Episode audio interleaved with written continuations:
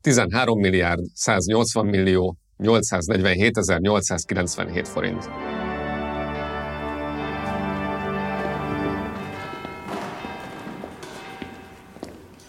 Pontosan ennyit érnek azok az egykor állami ingatlanok, amiket 2010 és 2023 közt az Orbán kormányok ingyen átadtak a reformátusoknak. A legcsillogóbb hozomány a központi zálogház és a BÁV ZRT egykori épülete a Lónyai és a Kinizsi utca sarkán. A 3,5 milliárd forintos, 4500 négyzetméteres Ferencvárosi műemléknek érdekes története van. Az állam előbb megvette, aztán ingyen odatta a reformátusoknak azzal a kikötéssel, hogy 15 évig nem adhatják el. Pár év elteltével aztán levették róla az eladási tilalmat, így a reformátusok, ha akarnak, akár meg is válhatnak tőle. Nem tudjuk, mik a szándékaik, de árulkodó jel, hogy az épületbe tervezett református egyetemi kampuszt most már néhány sarokkal odébb húznák fel. Ha érdekelnek a részletek, iratkozz fel a hírlevelünkre a péntekreggel.hu-n.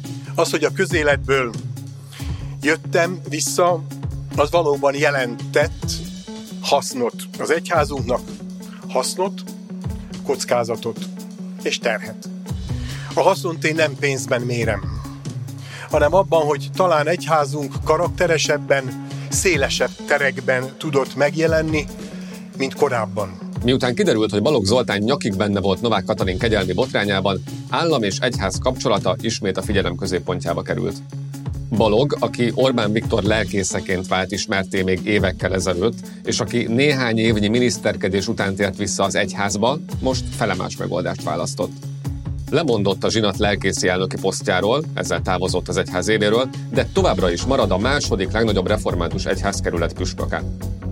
Az ügy mélyen megrázta a református egyházat, sokan balog távozását követelik. Az egyházunk közösségének azzal segítene a legtöbbet, ha belátná, mennyit árt és lemondana az összes vezetői tisztségéről. A hatalom és a református egyház szoros viszonya nem csak Orbánról és Balogról, vagy az ingyen átadott vagyonról szól. Ahhoz, hogy megértsük a dolog hátterét, muszáj elmerülnünk egy kicsit a történelemben és a teológiában is. Ehhez Zalatnai István lelkész, teológus, filozófus, a Károli Gáspár Református Egyetem tanára lesz a segítségünkre. Én Szurovec Szillős vagyok, ez pedig a péntek reggel. Hírháttér a Partizántól.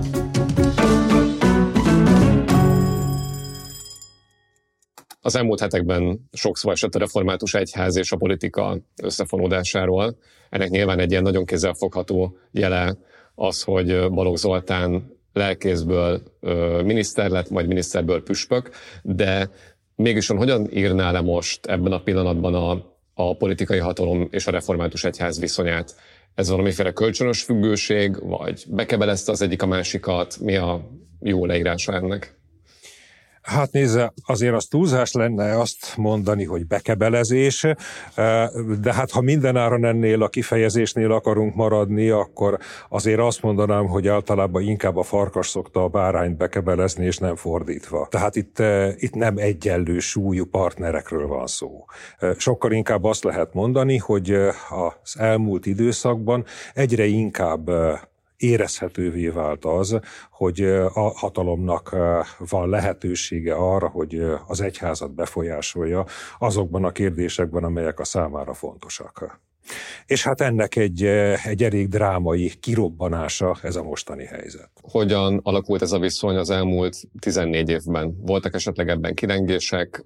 Milyen éve volt ennek? Vagy pedig végig ugyanabban az irányba mutatott, amiről most, most is beszélünk? Itt azért egy folyamatról van szó. Meg lehet különböztetni a három időszakot, attól függően, hogy ki volt éppen a zsinati elnök. Az első években, 2014-ig ameddig Bölcskei Gusztáv, a Tiszántúli Egyházkerületnek a, a püspöke volt a zsinati elnök. Azért ez nem volt egy ennyire kiélezett helyzet. Ott sem volt arról szó, hogy az egyház az feltétlenül távolságot akart volna tartani annyira a kormánytól, de ott azért egy sokkal kisebb mértékben volt érzékelhető ez. Aztán utána volt egy időszak, amikor már az akkori budapesti püspök Szabó István volt a zsinati elnök, akkor ez erősödött ez a jelenség. És hát amióta lassan három éve Balogh Zoltán lett a zsinati elnök, ez nagyon egyértelműen tovább erősödött. Bölcskei Gusztávot említette először, aki az első időszakban volt a zsinat lelkészi elnöke. Az ő politikához való viszonya ezek szerint élesen eltért mondjuk a, attól, amit Balogh Zoltán képviselt? Nem abban az értelemben, hogy más politikai szimpátiák jelentek volna meg, hanem abban az értelemben, hogy az egyháznak a függetlenségét, a politikától való távolságát sokkal inkább próbálta képviselni, fenntartani. Nem evidencia, hogy az Európai Unióhoz tartozhatunk. Nem evidencia, hogy demokráciában élünk. Fiatal, törékeny jogállam a miénk, a demokratikus intézmények, értékek védelme mindennapos kihívás. És mennyiben különbözik ez a helyzet attól, amit más egyházak és a hatalom vonatkozásában látunk? A katolikus egyháznak a helyzete az azért olyan nagyon nem különbözik a református egyházétól, de ott azért érzékelhető egy bizonyos távolságtartás, hát Erdő Péter, mint az első számú vezető részéről, és hát azért ott egy más helyzet van amiatt is, hogy ott egy világegyház van, Vatikán van mögötte, tehát ott azért érzékelhető egy bizonyos mértékű távolságtartás. És akkor megint egészen más a helyzet az evangélikus egyházzal, amelyiknél hát egy pár évvel ezelőtt nagyon nyilvánvalóan volt egy kísérlete a, a kormánynak arra, hogy kvázi átvegye a hatalmat, saját jelöltje volt, de végül is az egyház máshogy döntött. És hát ez elég nyilvánvalóan megmutatkozott különböző megnyilvánulásaiban az evangélikus egyháznak, és hát ez adott esetben nyilvánvalóan kritikus azzal szemben, amit mondjuk nem tudom, menekült ügyben történt, és egy-két más ilyen forró kérdésben. Mindjárt beszélünk majd még a református egyháznak a szempontjairól, de előtte érdekelne, hogy ön szerint miért érdekel az Orbán rendszernek fenntartani ezt a típusú viszonyt a református egyházzal? Mit nyernek valójában ezzel politikai értelemben? Hát szerintem ennek két része van. Ugye azt mindannyian tudjuk, hogy a, a Fidesz az nagyon máshonnan indult. Az egyházhoz, a konzervatív értékekhez, a nemzeti kérdésekhez való viszonyulásában szinte a másik, másik végletén volt a lehetséges politikai álláspontoknak. Hát az egy nagy operáció volt innen oda eljutni, ahol, ahol most vagyunk. És ehhez szükség volt egy legitimációra, ami jelentős részt az egyházak részéről jöhet lehetett. Én ebben a pillanatban nagyon-nagyon óckodnék mindenfajta iskolában történő hitoktatástól, megmondom őszintén. Én nem vagyok hitoktatásnak egyébként ellenfele, azt gondolom, hogy arra szükség van. Plébánián, az egyház saját helységeiben, és semmiképpen nem az iskolában. A másik oldala pedig az, hogy Hát a politikában mindig a, a szavazat, a szavazat szerzése az egy nagyon lényeges tényező, és az, hogyha van egy olyan szavazói bázis, amelyiknek a bebiztosítása lehetséges ilyen úton, akkor az természetesen szintén egy komoly érdeket jelent. Menjünk akkor most egy kicsit vissza az időben. A napokban felhívták a figyelmemet egy levélre, amit Karl Barth vagy Bart Károly, svájci teológus írt 1951-ben Berecki Albert püspöknek, és hát itt tulajdonképpen felrótta neki, hogy a református egyház a 30-as években még a horti rendszer híve volt, az 50-es évek elején meg már a szocializmust tűzte az ászlajára, és itt szó szerint azt kérdezte a Bereckitől, hogy a magyarországi reformátusság nem tud más tenni, mint hogy száz százalékban egyetért az éppen uralmon lévő kormányzattal? Igaza volt itt eh, ennek a svájci teológusnak, hogy tényleg nem tudnak mást csinálni, másképp működni? Igen, hát nem véletlen, ugye, hogy azt mondta, hogy Karl Barth vagy Bart Károly, eh, tehát ő neki a jelentőségét mutatja az, hogy a neve is le lett fordítva magyarra. Talán nem túlzás azt mondani, hogy a 20. századnak a legnagyobb hatású protestáns teológusa volt, tehát itt nem valakinek volt egy ilyen véleménye, de még súlyosabb ez a kérdés, hogyha arra gondolunk, hogy a református egyház évszázadokon keresztül úgymond kurucegyházként volt jelen a magyar történelemben. Na most nagyon röviden azért erről valamit el kell mondani. A magyar protestantizmusnak egy egészen sajátos helyzete volt történelmileg egész Európában. Ugye reformáció és ellenreformáció, vagy katolikus reform után gyakorlatilag az alakult ki, hogy vannak protestáns és vannak katolikus államok. A katolikus államokban teljesen megszűnt a protestantizmus, a protestánsoknál egy kicsit nagyobb tolerancia volt, volt, tehát így föld alatt hallgatólagosan megmaradhattak katolikusok, de az is egyértelmű volt. Most Magyarországon nem ez történt, hanem az történt, hogy erős kisebbségként megmaradt a protestantizmus. Ez jó rész köszönhető volt annak, hogy ott volt az erdély fejedelemség, mint a másik magyar árma, még egy protestáns dominanciájú ország volt. Tehát nem lehetett felszámolni a protestantizmust, de egy hátrányos helyzetű, adott esetben kifejezetten üldözött egyház volt. Na most ebből fakadólag nem véletlen, hogy a protestánsok, a református egyház az mindig nagyon határozottan ott volt a szabadságküzdelmekben, általában a különböző társadalmi emancipációs folyamatokban. Na most ez volt jellemző egészen a 19. századnak a mondjuk harmadik harmadáig. És amikor ez a helyzet megváltozott, akkor egy ilyen nagyon furcsa helyzet jött létre, hogy most akkor egyrészt vannak ezek a kuruc hagyományok, de másrészt pedig mondhatjuk, hogy második egyházként ott van a református egyház Magyarországon. Na most akkor tulajdonképpen mi is a mi identitásunk. És ez különösképpen is élesen meg fog jelenni a két világháború közötti időszakban.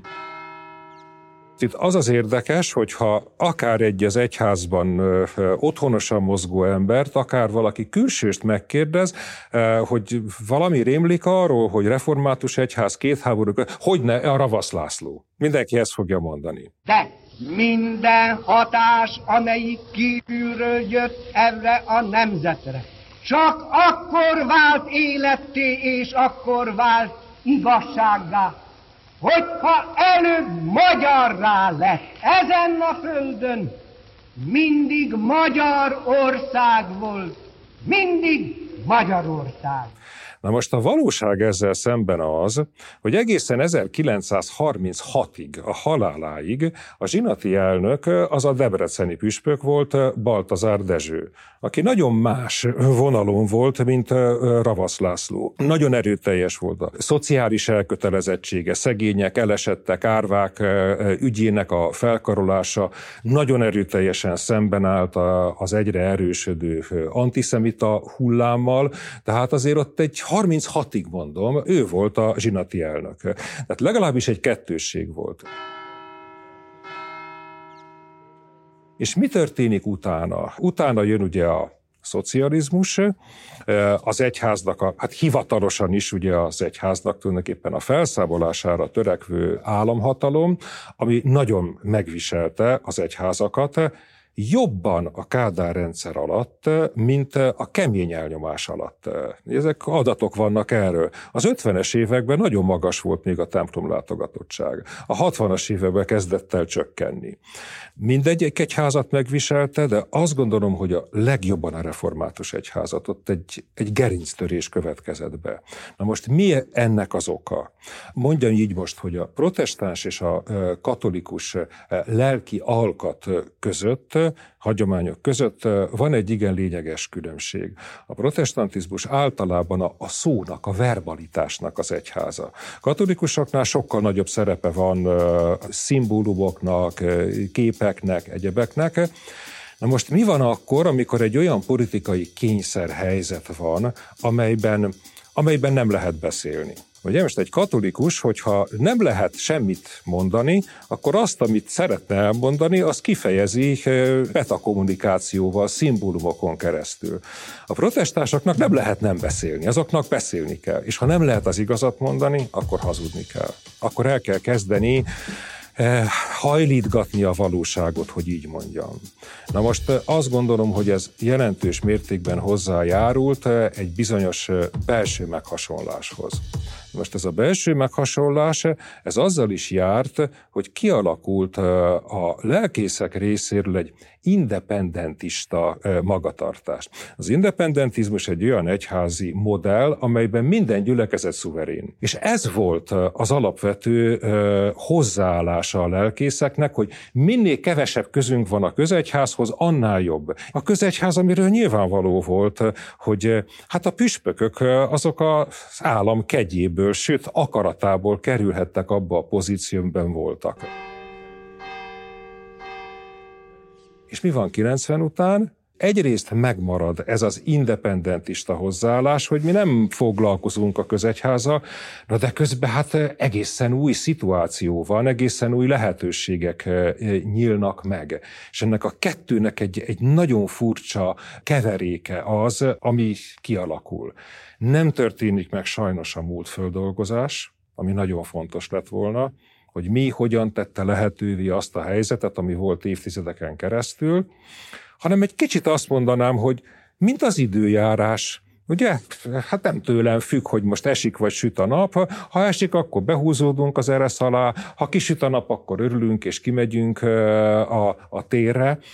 Valami ilyesmi történik, és eh, ahogy jönnek az új és új lehetőségek, és eh, hát nyilvánvaló, hogyha van egy ilyen közelség a hatalomhoz, akkor ezek a lehetőségek még inkább megnyílnak, akkor hát ennek örülünk, ez azt jelenti, hogy jobb, több lehetőség van a szolgálatra, és közben nem tudatosodik az, hogy ennek ára van. És ezek a pénzek és intézmények és lehetőségek, ezek nagyon kívánatosnak tűnnek, csak hogy közben ez együtt jár egy, egy hitelvesztéssel.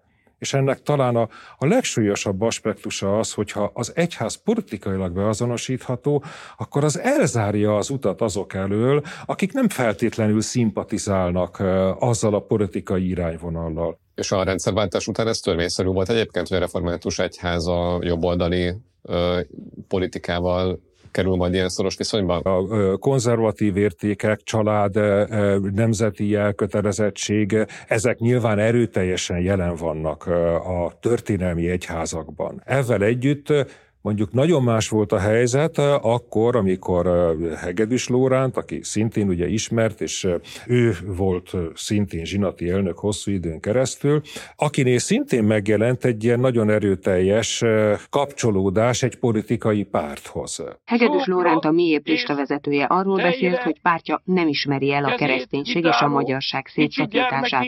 Mint mondta, létfontosságú kérdésekre se a jobboldali, se a baloldali politika nem ad választ csak a radikális keresztény hit. Na de azért az más helyzet volt, mert hát azért az egy kis párt volt, és az nem hatalmi pozícióban volt. Egész más helyzet alakult ki akkor, amikor, hát ami 2010 óta van. Ugye most itt a szoros összefonódás jeleiről beszélünk, de közben meg itt az elmúlt hetekben azt is láttuk, hogy többen a református egyházon belül nyíltan kiálltak adott esetben Balogh Zoltán ellen. Fekete Károly püspök például a Tiszántúli Egyházkerület püspöke lemondásra szólította fel, de idézhetnénk Toma Lászlót is, a gazdagréti lelkészt, aki szintén néhány napja nagyon erősen fogalmazott a, az Isten tiszteleten. Továbbra is ugyanúgy döntéshozó tagja a zsinatnak, az egyházkerületünk vezetője, azaz semmi sem változott. Ugyanúgy mélyen meghatározza a közegyházi működést. Egyébként pedig nem az egész egyházat támadták meg, hanem a személyét. És ő ezt az egész egyházat érintő támadásnak minősítette. Ez önmagában bűn, ami az Anyaszent Egyház egész közösségét érinti. De nem csak most, hanem az elmúlt években folyamatosan védkezett, mert nem lehet a politikát ennyire belekeverni Isten népe működésébe. Ezek a kiállások jelezhetik azt, hogy valamiféle változás lesz az egyházban? Tehát ön el tudja képzelni, hogy mondjuk megerősödhet az az irány, ami nagyobb távolságot tartana a politikai hatalomtól? Hát nézze, azt mondanám, hogy a, a református egyház traumatizált állapotban van.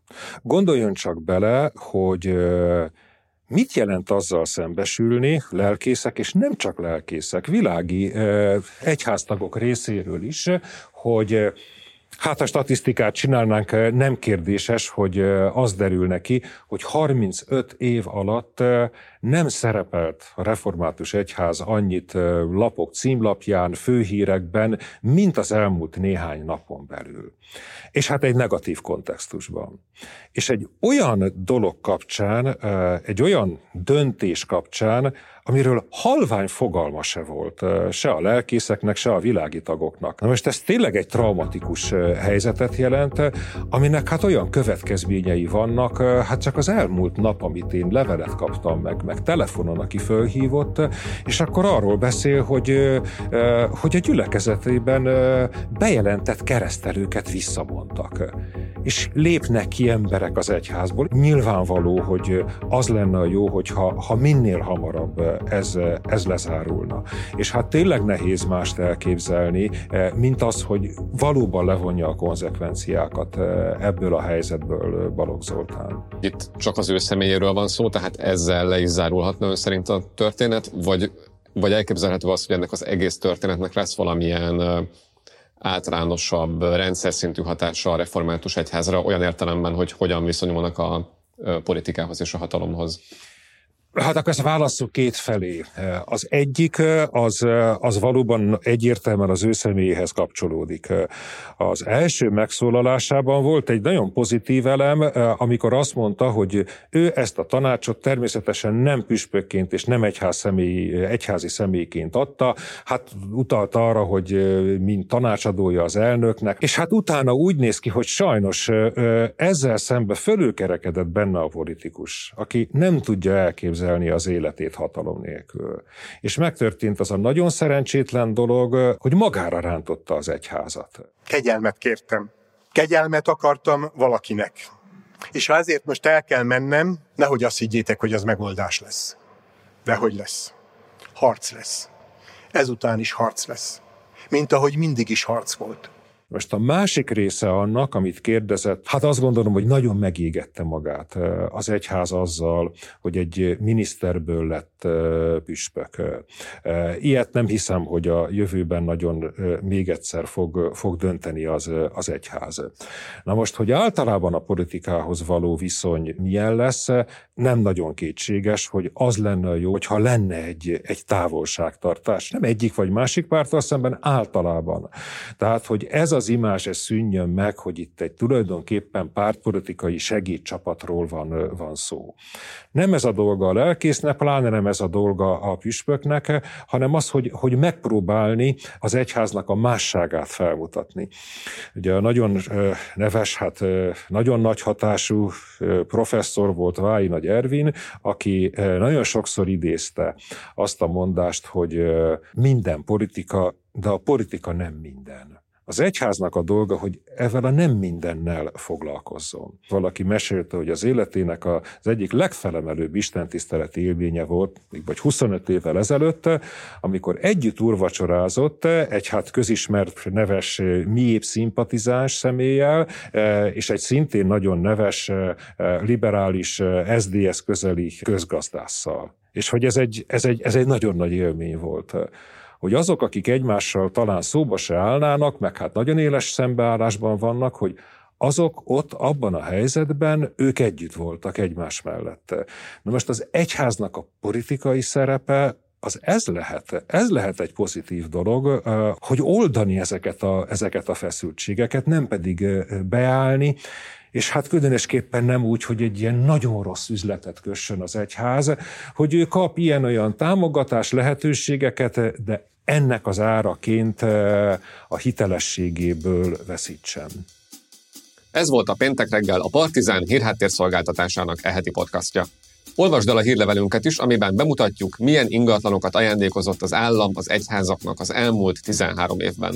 Iratkozz fel a péntekreggel.hu-n, és ezentúl hétről hétre elsőként kaphatod meg a hírlevelünket, podcastunkat és egy perces videónkat. A péntek reggelben mindig három különböző formában járunk körbe egy fontos és aktuális témát, és te döntöd el, mennyire mélyülsz el benne. Köszöni a figyelmet a teljes tám nevében a péntek reggel szerkesztője, Szurovec Illés. Szerkesztő munkatársam volt Laki Gergely és Rádi Antónia. Zene és hang, Irsik Bence. Grafika, Gondel András. Videó, Donátáron. Bejátszók, Bátori Benyámin. Gyártásvezető, Beke Anna. IT, Tóth Norbert. Nézd, olvasd, hallgasd. Minden péntek reggel. thank you